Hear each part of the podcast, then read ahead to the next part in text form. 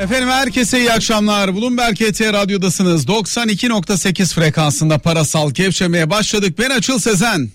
Ben de Tufan Deriner. Sevgili Tufan Demirer... E, Demirer ne Demirer. ya? Deriner, Deriner bizlerle birlikte. İyi oldu Demirer. Ay Allah'ım ya Rabbim. Ne var ne yok nasıl keyifler? İyi valla yor, yorgunluk biraz çok volatilite yani işte hep söylediğimiz hikaye. Ondan sonra volatilite devam ediyor. Gerçekten para yönetmenin çok zor olduğu e, bir süreçten geçiyoruz. Yani işte bugün gün açılış kurun durumu belli, endeksin durumu belli, kapanış belli. Ondan sonra e, enteresan bir volatilite var yani piyasada. Peki Tufan şimdi çok tabii kritik şeyler yaşanıyor. Hani hem içeride hem dışarıda. Geçen hafta bayağı yabancı çıkışı vardı. O yabancı çıkışı endeksi aşağı bastı. 1300 puana kadar indi endeks. Sonra e, seansın dibinden tepki gelmeye başladı. Hani bir buçuk seansta 74-75 bas 75 puan yukarı kaydı. Yani evet. 1300'den 1374'e e, sanayi tarafında da çok yoğunluk oldu. O yüzden ne dersin e, hani devamı var mı bu hareketin yoksa ıı, bu bir böyle sıçrama yoksa trend bozuldu falan mı dersin?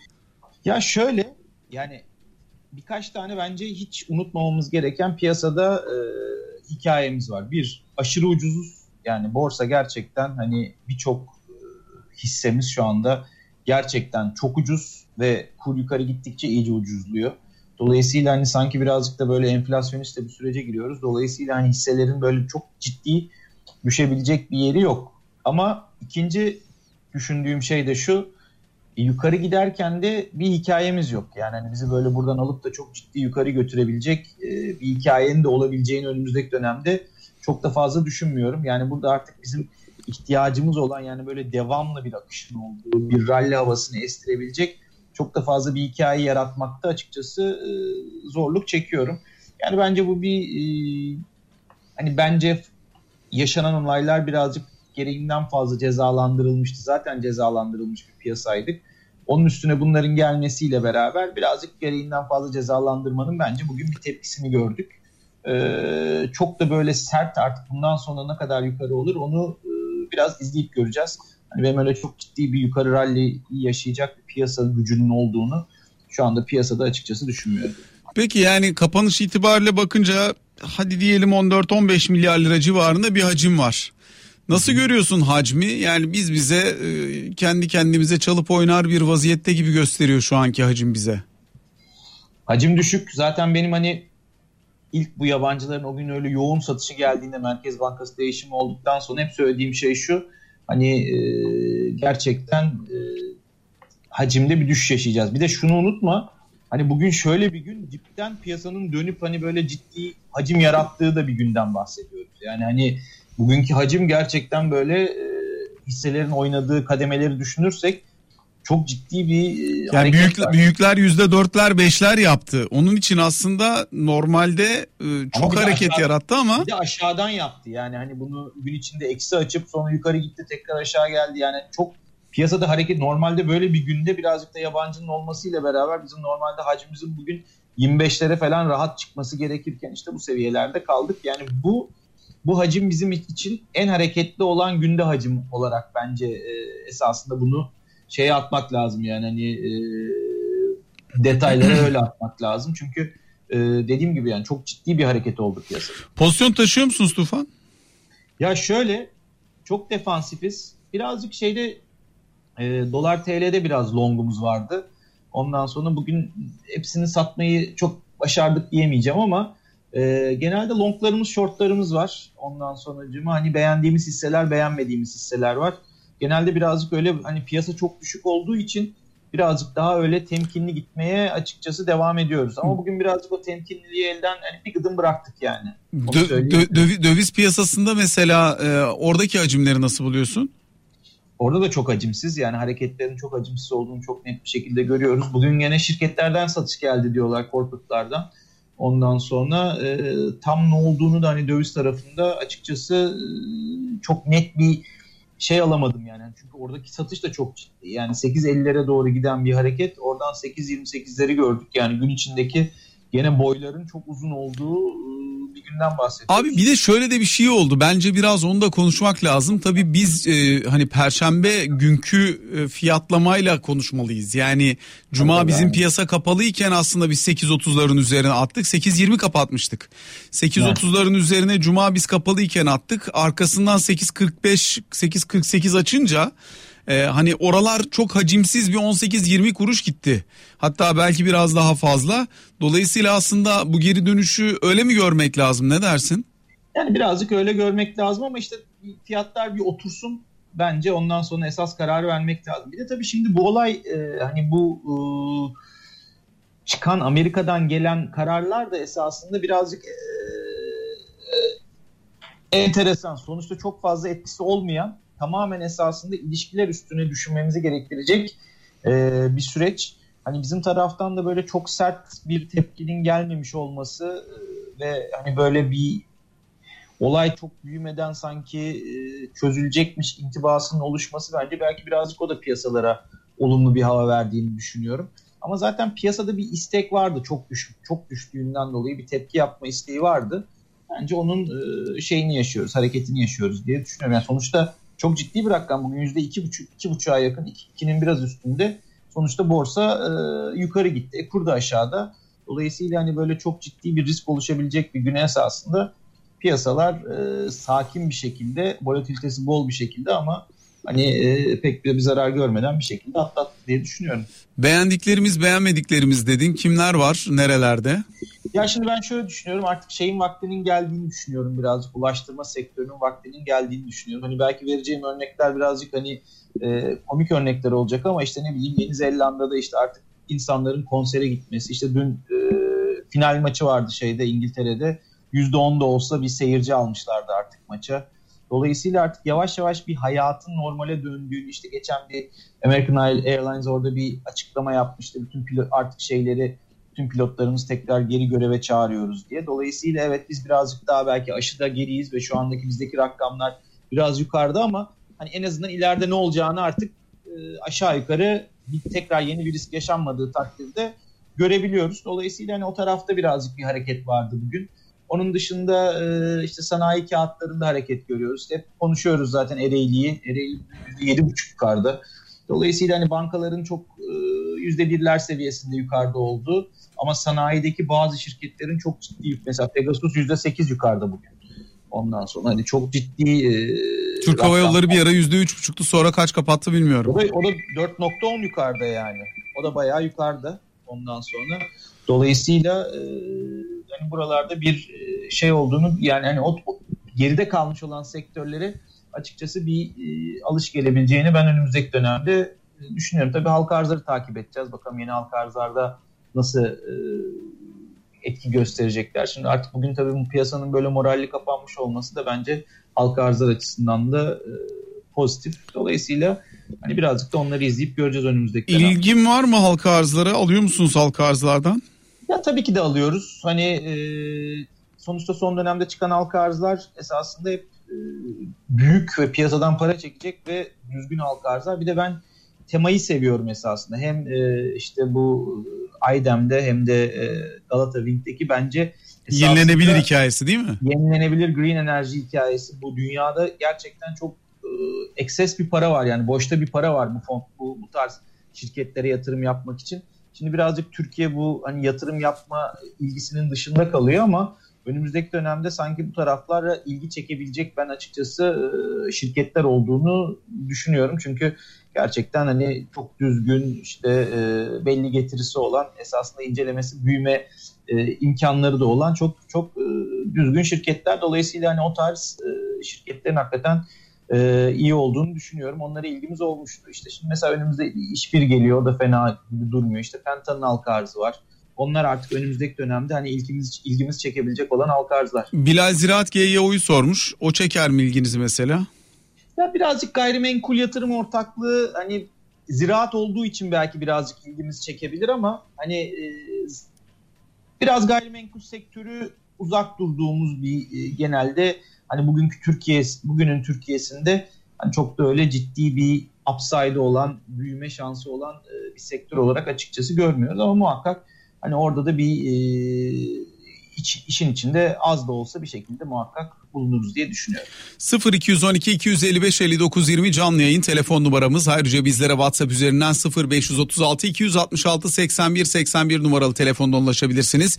Diğer yandan Bloomberg KT Radyo, Twitter ve YouTube hesapları üzerinden ayrıca Clubhouse hesabı üzerinden de göndereceğiniz mesajları okumaya çalışırız. Şimdi e, Tufan peki Selin Hanım sormuş ucuz hisseler hangileri diye. Ucuz hisse görüyor musun şu anda? Ucuz olanın ucuzluğuna neden olan gerekçeler onu almanı engeller mi? Ya tabii ki de engeller ama şöyle bir kere bankacılık sektörü hisseleri şu anda bizim piyasanın en ucuz hisseleri. Yani işte bugün böyle bir e, bir yere bakıyordum. Evet belki mesela Halkbank'ın özel bir durumu var. Hani yaşanan dava süreci, bütün bunlar ve bankanın durumu itibariyle ama yani defter değeri 0.20'lerin biraz üstünde. E, İş Bankası'na bakıyorsunuz bugün belki de iştiraklerinin e, bankacılığı belki de negatif değerlendiren bir değerleme var. 0.34'lerde. E, dolayısıyla hani gerçekten bankacılık sektörü hisselerinin ben açıkçası e, çok ucuz olduğunu düşünüyorum. Yani onun dışında hani ucuz diye baktığınız zaman o kadar çok esasında e, ucuz hisse var ki özellikle de ekonominin birazcık canlandığı ve hayatın normale döndüğü noktada yani buradaki birçok hissenin ben açıkçası kelepir fiyatında olduğunu e, söyleyebilirim. Yani hani burada sayabilecek bence hani o tarzda çok çok fazla hisse var. İşte ne bileyim ben işte Türk Hava Yolları'nı saydık. E, işte TAV mesela bence çok ucuz. Anadolu Efes hani bana sorarsanız çok çok ucuz. İş Bankası, Garanti, Akbank yani bunların hepsi zaten e, çok ciddi derecede ucuzlar. Yani bugün baktığınız zaman hani Ereğli birazcık kulağa e, şey gibi geliyor. Ne derler hani çok prim yapmış ve pahalı gibi geliyor. O bile ucuz çarpanına göre baktığımızda. Ford yani Otosan? Hani, evet Ford Otosan belki pahalılardan biri olabilir hani bizim e, incelememize göre. Ama dediğim gibi onlarda da ciddi bir büyüme ve e, hani karlılıkta ciddi bir artış var. Sadece fiyatta çok hızlı bir yukarı gidiş olduğu için hani belki birazcık daha temkinli olmak gerekebilir. Hani onun için kelepir diyemem onun geldiği fiyatlar itibariyle. Ama genel olarak hakikaten çok ucuz e, hisse var. Koç Holding bile çok ucuz yani hani bugün geldiğim. Bugün zaten %4 yukarıda. Hani iskontosu gene çok ciddi bir miktarda e, son dönemde artmıştı. Zaten hemen öyle olunca bir şey geliyor hemen bir düzeltmesi geliyor zaten. Peki şimdi e, bütün bunların üzerine değerlendirme yaparken biraz şunu da konuşmak lazım. %19 mevduat faizi var. Hı hı. %19 mevzu, mevduat faizi varken burada hisse taşımak makul mü değil mi? Ee, bunun da bir maliyeti olduğu için ve bu da yüksek olduğu için e, çok tartışılıyor. Ne dersin? Şimdi bir kere çok doğru. Ee, bence hepimizi etkiliyor. Özellikle mesela kredili taşıyanlar açısından daha da büyük bir e, esasında marj var. Çünkü bunların hep kredi faizlerinin 25'ler 30'lar seviyesinde olduğunu düşünürsek hani o, o seviyede e, gerçekten faizin yüksek olması ciddi bir problem. Bence hani dövizin de yukarı gidememesinin ana sebeplerinden bir tanesi zaten bu senin bahsettiğin e, hikaye. Dolayısıyla hani insanlar bugün gelip de piyasada risk almak için bir ışık gördüğü ana kadar belki de faizde kalmayı e, tercih edebilir. Mesela bu, bu tarz bir eğilim bizde de var İstanbul portföy olarak. Yani sonuçta iyi bir faiz var. Bu faizden yararlanıyorsunuz ve iyi bir getiri sağlıyorsunuz. E bunun karşılığında da çok da fazla hani risk alma iştahınız birazcık daha e, hani düşündüğüm zaman daha düşük oluyor. Ama tabii ki de buradaki fırsatlar daha e, gün içinde yani şöyle düşünün işte bugün birçok hisse konuştuk sırf Ereğli %7,5 yukarıda yani hani 7,5 yukarıda bir gün doğru hissede olduğunuz zaman da 5 ayda alıyorsun o e, şeyi aynen, mevduat faizini. Onu, onu burada bir günde alabiliyorsunuz. Dolayısıyla hani birazcık farklı işler ama şunu net olarak bizde 19 faizin olması risk iştahımızda bir azaltma bizde kesinlikle yaratıyor. Yani onu söylemek lazım. Tunç Bey mesela Türk traktör hissesi sormuş. Beğenir misiniz, e, alır mısınız diye. Bu da yine yani onu, koç iştiraklerinden. Evet evet yani beğeniyorum tabii ki de ama dedi o da son dönemde fena performans göstermedi endekse göre. E, ama tabii hep bu iyi iyi performans gösteren şirketlerin de şöyle bir özelliği var. Zaten iyi de performans gösteriyorlar yani. Hani son dönemde Türk Traktör'ün hani bilançosunu şöyle bir incelediğiniz zaman karlılığının çok yüksek ve e, hani iyi olduğunu ve her dönem işte bu temettü açıklayan şirketler içinde hep en önde olduğunu çok net bir şekilde e, görebiliyoruz. Dolayısıyla e, açıkçası çok beğeniyorum hisseyi. Ama tabii biraz geldiğimiz fiyat itibariyle piyasada daha cazip hisselerinde açıkçası e, olduğunu düşünüyorum ama hani e, gerçekten son dönemde son 2-3 senenin çok iyi performans gösteren hisselerinden bir tanesi. Peki yine başka konular var. Tarkan Bey diyor ki ee, ya bu, bak bu çok konuşulduğu için bunu sana sormak isterim. Uzmanlar çekiniyor çok anlatmıyor da böyle bir kriz gelmedi bu memlekete diyor. Ondan sonra da ekliyor. Her şeyin değerlemesi baştan yapılacak. Evlerin fiyatı düşecek. Arabalar çok değerli olmaya devam edecek. Böyle bir yatırım konsepti var kafasında kendisinin anladığım Hı-hı. kadarıyla. Ama bu çok dile getirildiği için hani Tarkan Bey özelliği değil ama bunu bir sormak isterim sana. Ya çok acayip bir kriz var. Bu kriz e, bütün varlık fiyatlamalarını baştan yapacak. Dolayısıyla her şey bir değişecek falan şeklinde daha böyle ihtiyatlı e, bir bakış açısı ne dersin? Yüzde yüz katılıyorum. Zaten oldu bütün bunların hepsi. Yani şimdi mesela bunun en iyi örneği hepimizin oturduğu evleri dolar bazında değerlerini düşünürseniz hepimizin evleri zaten ciddi miktarda bir şekilde bu süreç içinde değer kaybetti. Mesela çok önemli bir şey bence ana hikayeyi doğuran ana etkenlerden bir tanesi işte bugün bankaların bu fiyatta olmasının sebebi borsada.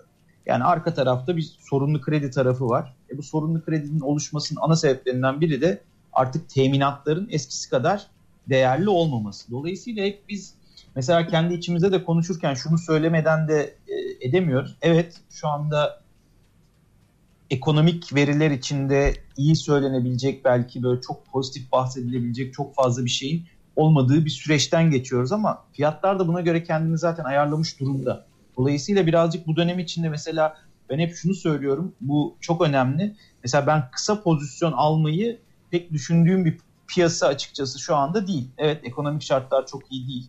Ondan sonra e, çok da bahsedebileceğimiz olumlu bir şey yok. Ama geldiğimiz seviye itibariyle kısa pozisyon almaya da cesaret gösterecekti bir piyasa. Bu da mesela çok rastladığımız bir şey değil değil mi Tufan? Yani normalde bir bozulma varsa o bozulmayı hani normalde shortlayarak ve eğer bir pozisyonun varsa kendini hece etmek için değilse daha kötüye gitme beklentin varsa oralarda shortlamak için ama bu değerlemenin nesini shortlayayım diyorsun?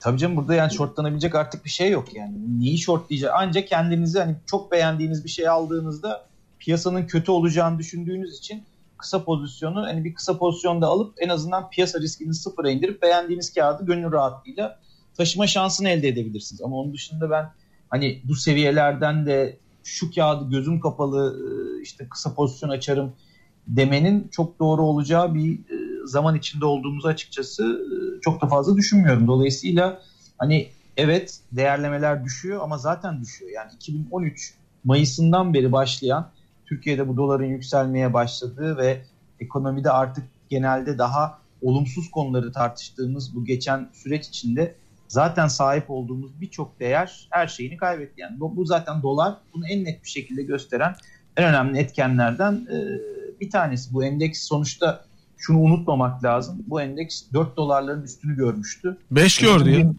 İşte 5 gördü. Şu anda da 1.6'lar 1.7'ler seviyesindeyiz. Yani dolayısıyla hani zaten üçte bir değer kaybetmiş. Daha ne değer kaybetmesini bekliyoruz. Yani hani e, birazcık da işin o tarafı var. E, dolayısıyla bundan sonraki en kritik konu zamanlama olacak. Yani ne zaman ki biz gerçekten Türkiye riskini alabilecek bir iştahı bulacağız. Mesela ben o iştahı şeyde buluyordum. İlk Merkez Bankası değişiminden sonra hakikaten de piyasa o fırsatı verdi. İşte kurun geldiği yeri gördük. Eğer birazcık daha uzun sürebilseydi o süreç belki hani e, biraz bir değerlenme süreci görecektik ama hemen hızlı bir şekilde tekrar bir e, farklı gelişmeler olmasıyla beraber e, değerlemeler buraya geldi. Ben bunu normal karşılıyorum ama zaten çok uzun zamandır fiyatlandığı için de artık kötülük zaten yansımış durumda buraya. Hani ben böyle bunun çok ekstrasının olacağını açıkçası düşünmüyorum. Kurda peki e, en kötünün fiyatlandığını düşünüyor musun? Düşünmüyorum. E, kurda mesela... Yani borsada en kötü fiyatlamalara geldik diyebiliriz diyorsun değerleme olarak ama kur için aynı de, şeyi söylemiyorsun. Aynen. Bir de tabii borsanın şöyle bir avantajı, avantajı var. İki tane şey esasında orada bir yastık görevi görüyor borsa üstünde. Biri kur. Hani diyorum ya belki de tam gelmesi gereken yere hala gelmedi diyoruz. İkincisi de enflasyon. Sonuçta ciddi enflasyonun olduğu ıı, bir süreçten geçiyoruz. E, enflasyonist ortamlarda ister istemez borsa bir şekilde bir en azından sanayi şirketleri, işte dönem dönem fırsatını bulabilirse bankalar hani bir şekilde zaten yukarı doğru bir e, hareket o süreç içinde gösteriyorlar. Dolayısıyla bir de kurun da hani oturmadığını düşünürsek orası hep bir aşağı gelmesini bence engelleyen borsanın önemli e, noktalardan bir tanesi. Dolayısıyla hani benim kurda böyle esasında hani şu anda dünyanın belki de TL en değersiz paralarından birisi hani olması gerektiği yere göre. Ama bulunduğumuz pozisyon itibariyle hala yukarısı olabilir mi diye sorunca olabileceğini düşünüyorum. Yani bugün bulunduğumuz CDS seviyeleriyle hani bulunduğumuz kur daha belki birazcık daha e, yukarı gidebiliriz diye açıkçası düşünüyorum. Yani hani bugün bana şöyle bir soru sor hani faiz, kur ve e, şey tarafında borsa tarafında en riskli hangisini görüyorsun dersen sanki kuru birazcık daha diğerlerine göre e, fazla riskli görüyorum diyebilirim. Peki şimdi birkaç tane daha yine benzer soru soracağım sana. Bir tanesi şu. Merkez Bankası'nın kur tarafındaki duruşunu dinledin mi? Ee, buradaki rezerv tartışmaları ile ilgili Şahap Bey'in yapmış olduğu açıklamalar oldu Cuma akşamı. Bunları takip ettin mi? Reel sektörün bu konudaki serzenişini, yüksek faiz konusundaki serzenişini dikkate aldığını söyledi.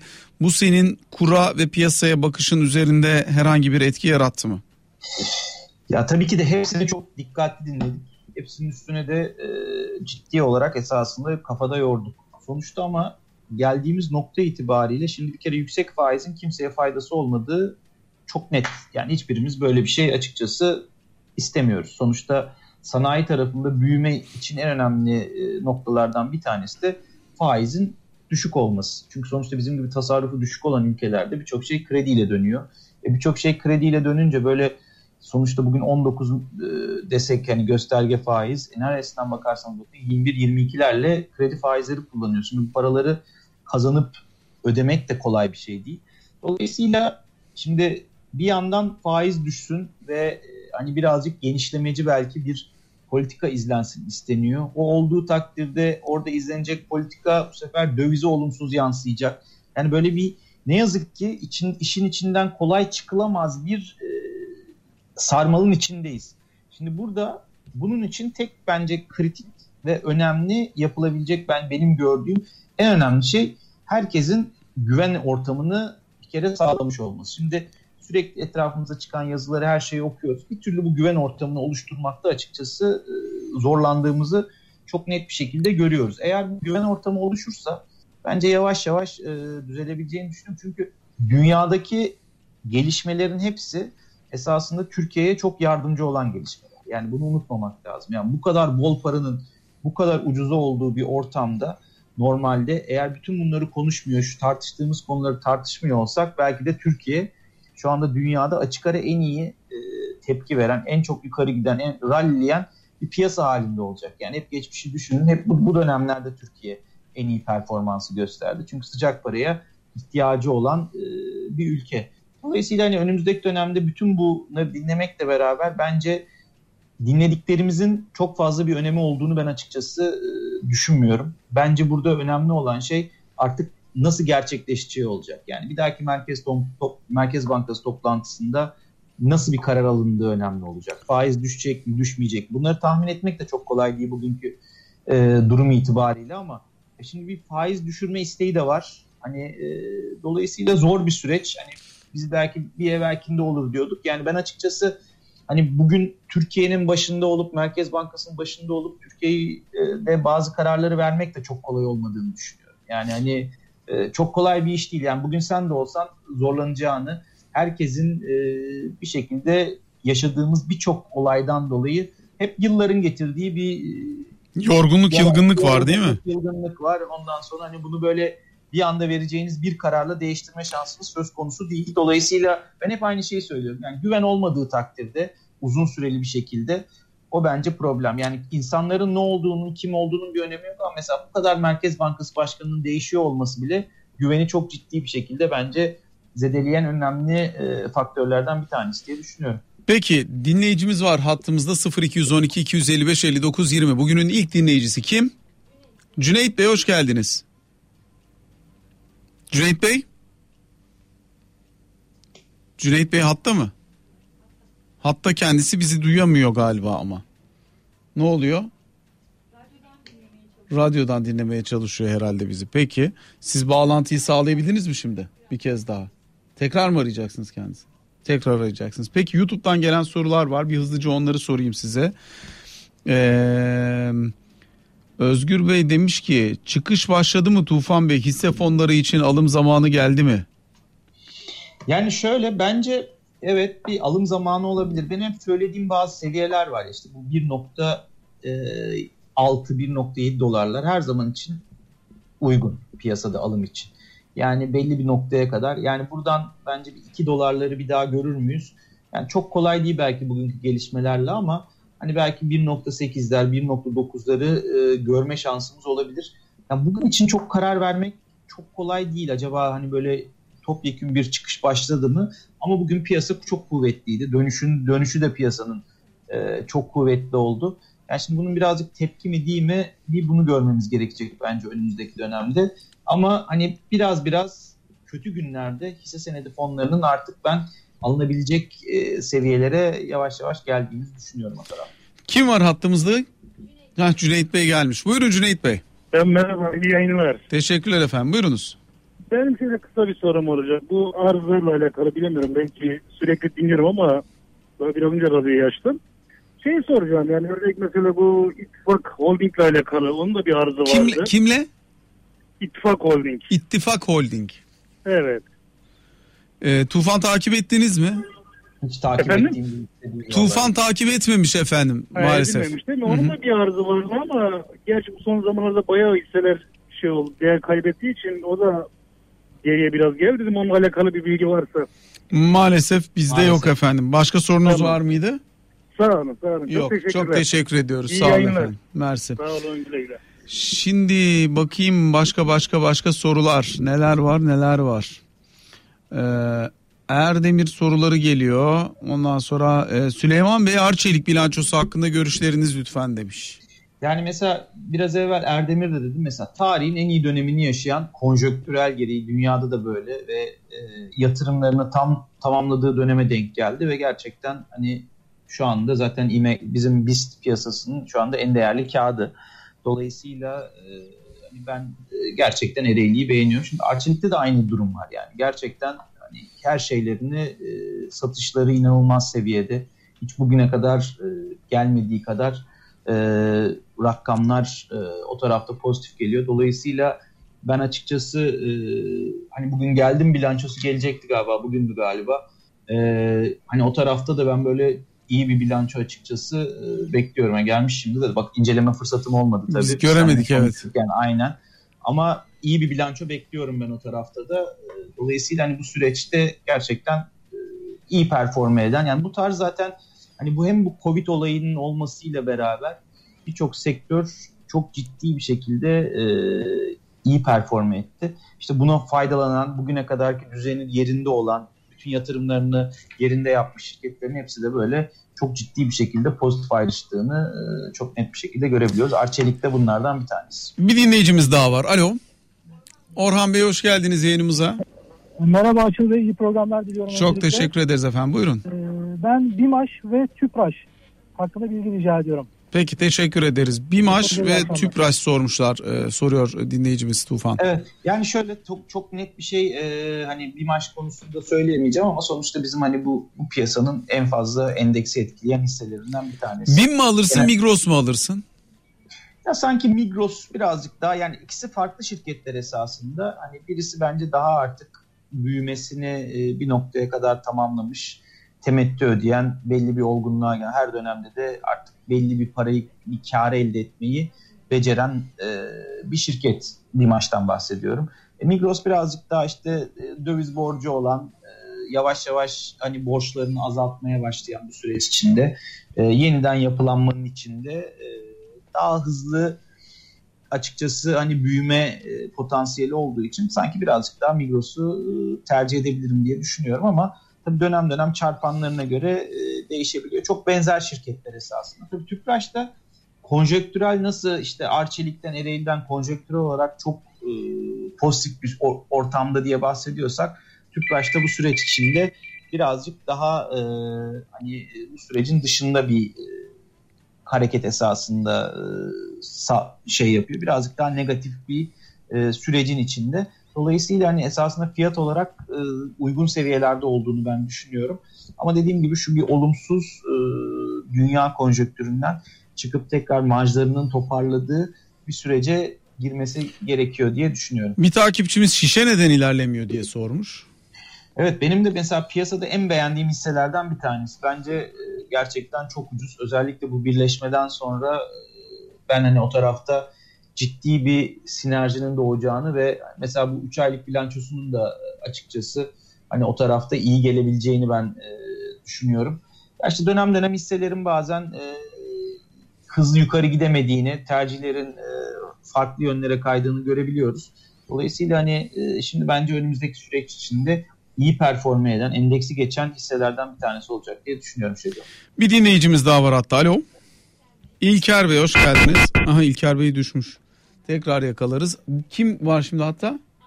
Adil Bey buyurun. Tabii iyi akşamlar kolay gelsin. Çok teşekkürler. Buyurun efendim. Ee, benim bir sorum olacak da e, esasen hep aslında borsada yapmış olduğumuz bir hareket var. Bilmiyorum tabii siz hangisini uygun görürsünüz de e, e, yıllardır mesela biz hep böyle al sat al sat al sat al sat devamlı al sat yapıyoruz biz Borsa İstanbul'da. E, ben de geçen senelerde İskenderun Demir Çelik almıştım. İstemir. Evet. Ee, gerçekten kazandığımız güzel paralardı. Fakat böyle bekledik tabii ki bir seneye yakın falan bekledi. Çok güzel paralar kazandırdı. Şu anda da Menderes'te bekliyorum. Fakat e, Menderes'le alakalı bir yorumunuz olabilir mi acaba? Yani bence siz işlemiri güzel bulmuşsunuz da Menderes konusunda ne yazık ki yani olumlu ya da olumsuz size e, pek bir şey söyleyemeyeceğim. Çok takip ettiğim bir hisse değil çünkü. Ondan sonra hiç bir bilgim yok bu tarafta. Peki çok teşekkür ederim. Biz teşekkür ederiz. Hoşçakalın. Kim var? Hakan Bey buyurun. Ee, iyi akşamlar Açıl Bey. İyi akşamlar efendim. Dinliyoruz. Buyurunuz. Ee, jan, jantı soracaktım ben de.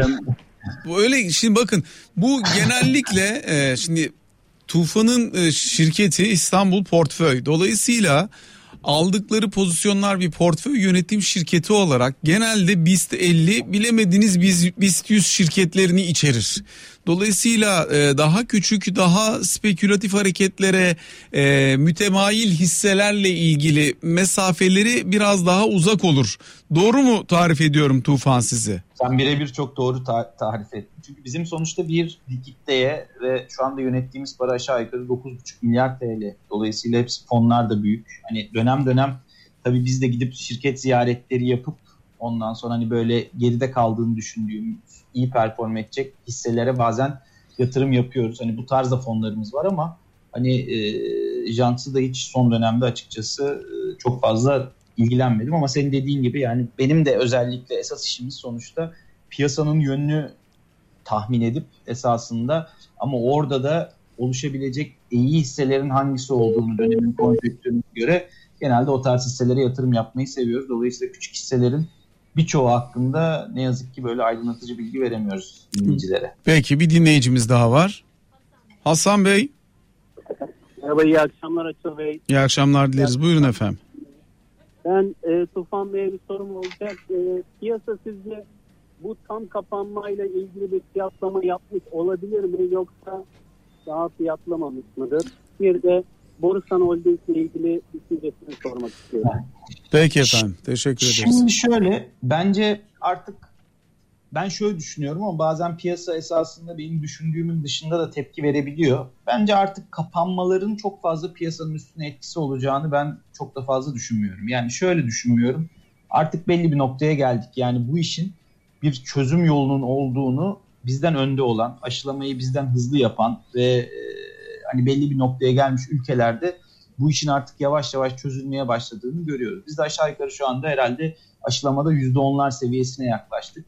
Bir de tabii çok uzun zamandır bu hastalığı geçirenlerle beraber eğer birazcık da aşıda hızlanabilirsek bir kapanma sürecinden sonra çünkü şu andaki rakamlar çok fazla. Ondan sonra bence ümitli bir döneme girebileceğimizi açıkçası e, düşünüyorum. Tabii bu süreç içinde genelde piyasalarda birazcık daha artık uzaktaki olumlu beklentileri satın aldığı için ben sanki kapanmanın olumsuzluğu piyasanın içindeki rakamlarda sanki varmış gibi e, düşünüyorum. Sadece bunun belki dönem dönem kısa vadede hani bazı hisseler üstünde olumlu ya da olumsuz etkisi olabilir. İşte ne bileyim kapanma olduğu zaman perakende hisseleri birazcık yukarı gidiyor. Hani geçici bir süre olarak belki böyle bir etkiyi kısa süreli de olsa görebiliriz ama Bunun dışında ben genel olarak kapanmanın e, fiyatların içinde olduğunu açıkçası e, düşünüyorum. Hani borsan yatırımda ilgili de çok fazla hani böyle yanıltıcı bir şey söylemeyeyim. Çok fazla bir bilgim yok. Peki bir dinleyicimiz daha var hatta. Mert Bey buyurun. İyi akşamlar, iyi yayınlar. İyi akşamlar efendim.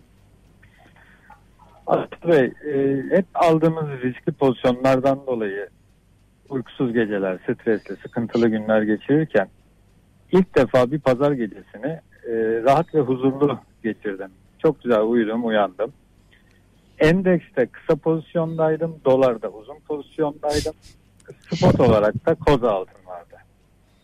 Yani kısıtlı bilgimle, yani biz yeni acemi yatırımcıyız ya, kısıtlı bilgimle e, dün gece şöyle düşündüm. Büyük bir ihtimalle endeks düşecek, dolar çıkacak. Bugün tabii ciddi bir e, terse düştüm. İşte öğleden sonrası gibi artık dayanamayıp endeks pozisyonunu kapattım. Koza altın spotta duruyor. Ee, yine dolarda uzun pozisyonda duruyor.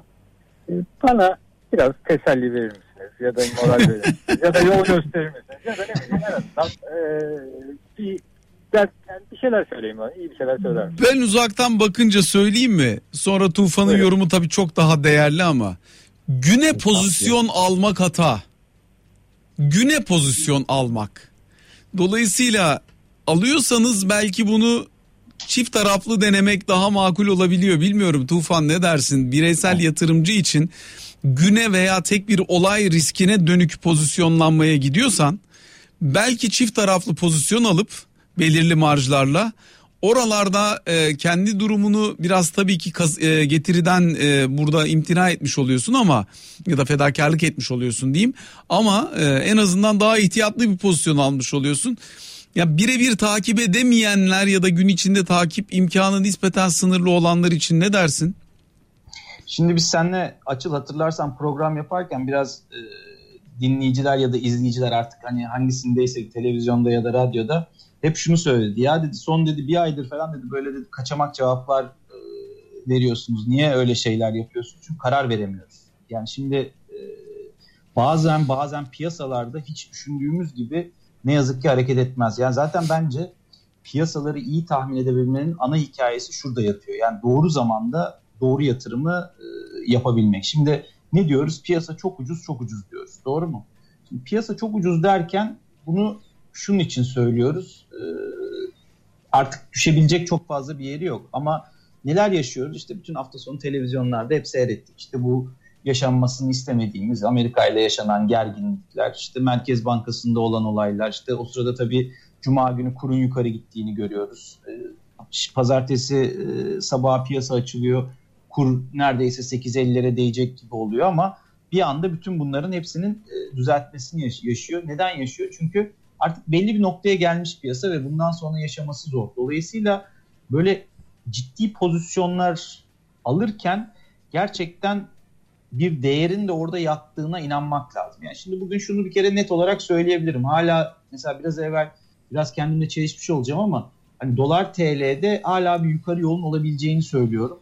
Ama e, hani sonuçta TL'de şu an dünyadaki en değersiz paralardan bir tanesi diyoruz. Şimdi tabii bu olduğu zaman ister istemez bir denge sağlıyor yani TL'nin üstünde. Belli bir noktaya eğer çok yukarı giderse oradaki pozisyonlanmadan dolayı oradan birileri satıyor, geri geliyor. Yani bütün bunları göz ardı etmemek lazım. Yani piyasa çok ciddi geri gelmişti. Bunun bir düzeltmesinin işte bugüne denk geldi gibi düşünmek bence e, biraz doğru olabilir. Şu anda ben piyasada net bir yönün olduğunu düşünmüyorum. Dolayısıyla net bir pozisyon almanın da çok mümkün olabileceği günlerde değiliz. Bu tarz sürprizleri sık yaşayacağımız günler olacaktır. Biz profesyoneller bile bugün bittiği zaman gerçekten Allah'a şükür gün bitti diyoruz. Yani hani e, çok zor günler bu günler. Hakikaten öyle. YouTube'da Tolga Bey'in bir sorusu var. Tefas'ta gördüğüme göre İstanbul portföyün birçok fonu var. Neden bu kadar çok fonunuz var? İdare etmesi daha zor olmuyor mu? Bence çok güzel bir soru. Yani şahane sormuş. Hakikaten e, çok kolay bir şey değil ama bizim de bir şekilde bir her türlü ürünü sunuyor olmamız lazım. Esasında e, mesela işte kısa vadeli tahvil bono fonlarımız var. Bunlara günlük giriş çıkış olan birazcık daha risk seviyelerine göre ayarladığımız fonlar var. Serbest fonlarımız var. Bunların döviz bazlı olanları var. riskli olan döviz bazlı var, Eurobond'a bağlı olanlar var. Dolayısıyla hani yatırımcı geldiği zaman şu anda da yönettiğimiz para 9 milyarın üstünde bir para yönetiyoruz. E böyle olduğu zaman her şeyi rafta esasında yatırımcı görmek istiyor. Bir de bunun dışında şöyle bir durum oluyor. Mesela birçok yenilikçi şeyle geliyoruz. Artık mesela son dönemde işte bu e, girişim sermayesi fonları da yavaş yavaş e, olmaya başladı. Gerçi onlar tefaslı gözükmüyor ama hani biz sadece bizde değil diğer kurumlarda da gerçekten sonuçta bir rekabet var. Her taraftaki her türlü yönetilen fonda bir şekilde olmaya çalışıyoruz. Ama söylediğinize yüzde yüz katılıyorum. Dolayısıyla bütün bunları birazcık daha minimize edebilmek için mesela bir tane fon sepeti fonu kurduk şu anda. Yani birazcık daha riskleri belki daha rahat yöneteceğimiz bir e, sistemin olduğu.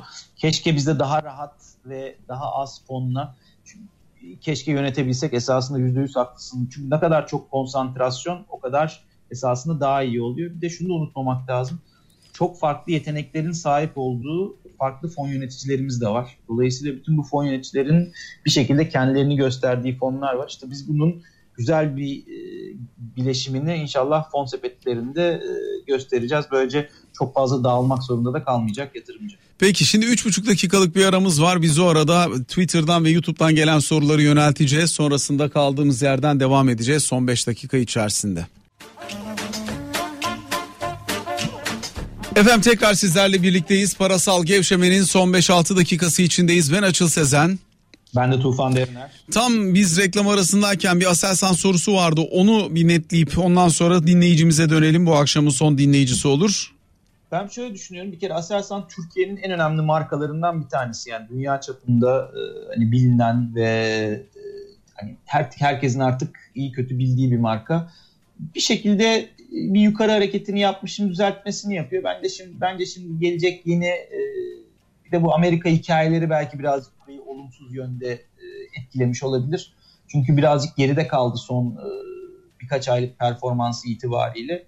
Ben e, bizim BIST piyasasının en en sağlam, en düzgün olan hisselerinden biri olduğunu düşünüyorum. Bir de tabii kurun yukarı gitmesi böyle ve yukarıda olması esasında Aselsan'ın işine de yarıyor.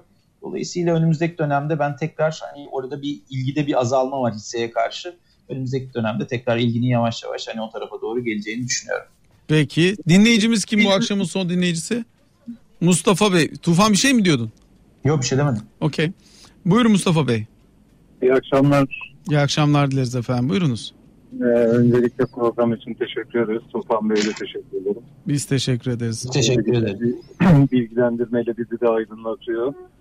Ben kağıt sormayacağım, enstrüman sormayacağım. Sadece öyle naçizane e, düşüncelerimi aktaracağım. Alalım hızlıca efendim. E, Cuma günü 1316 e, EMA 200 desteğinin üstünde e, kapatarak kıyametin eşiğinden döndük bir nevi. E, o esnada da yabancı takas oranı 42-66'larda EMA 5.21'i kesmişti. Ben Cuma günü hiç korkmadım. O dakikalarda bayağı bir alım yaptım. Nitekim meyvelerini şu an topluyoruz. Ee, Allah'a şükür güzel bir piyasamız var dün ve bugün. Ee, daha da iyi olacak diye düşünüyorum. Ama işte yatırımcı kardeşlerimiz benim de çevremde teknik bilmeden böyle ok gibi giden kağıtlara zıplıyorlar. Ondan sonra da mağdur oluyorlar. Yani teknik bilgide hareketli ortalamaları, Fibonacci indikatörlere sahip çıksalar, öğrenseler. Ya ben pandemide kendime yatırım yaptım. Bunların hepsini öğrendim, ezberledim. Allah şükür şimdi tedbirli bir şekilde de yatırımımı yapıyorum. Ee, nacizane e, bunlara da önem gösterseler ben de sevinirim yani. Kimse kaybetmesin piyasamızda. Peki efendim teşekkür ediyoruz Ben- görüşlerinizi ben- paylaştığınız için. Bu teknik Ben- tarafı bir Tufan sana da sormak isterim. Evet evet. Ben benim bence burada kritik konu şu. Yatırım yapmanın bence bir numaralı kuralı disiplin.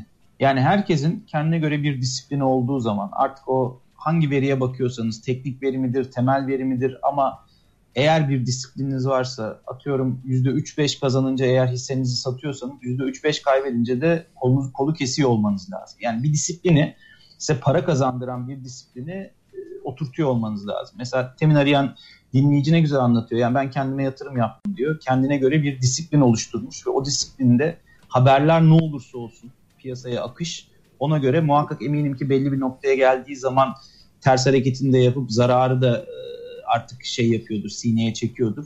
Yani benim buradaki tek önerim şu muhakkak bir hani daldan dala atlamaktan, duyduklarınızı yapmaktansa muhakkak bir disiplininizi oluşturmanın bence hani bu piyasadaki en kritik e, konu olduğunu düşünüyorum. Yoksa birisi Fibonacci'ye bakar, birisi başka bir şeye bakar. Herkes kendine göre bir şey belirler diye düşünüyorum. Sevgili Tufan çok çok teşekkür ediyoruz sana bu akşamı bizlerle birlikte geçirdiğin için. Ee, umarız yakın zamanda yüz yüze de yaparız. Pek özledik sohbet etmeyi, Evet, muhabbet etmeyi. Görüşemiyoruz aynen öyle. Aynen öyle. Görüş sağ ol. Görüşmek üzere diyoruz. Cumhurbaşkanı Erdoğan bu arada e, kabine sonrasında yeni kararları açıklıyor. Bir oraya dönelim. Ondan sonra kapanışı yaparız. Hoşçakalın efendim. Kaçtım ben. Görüşürüz.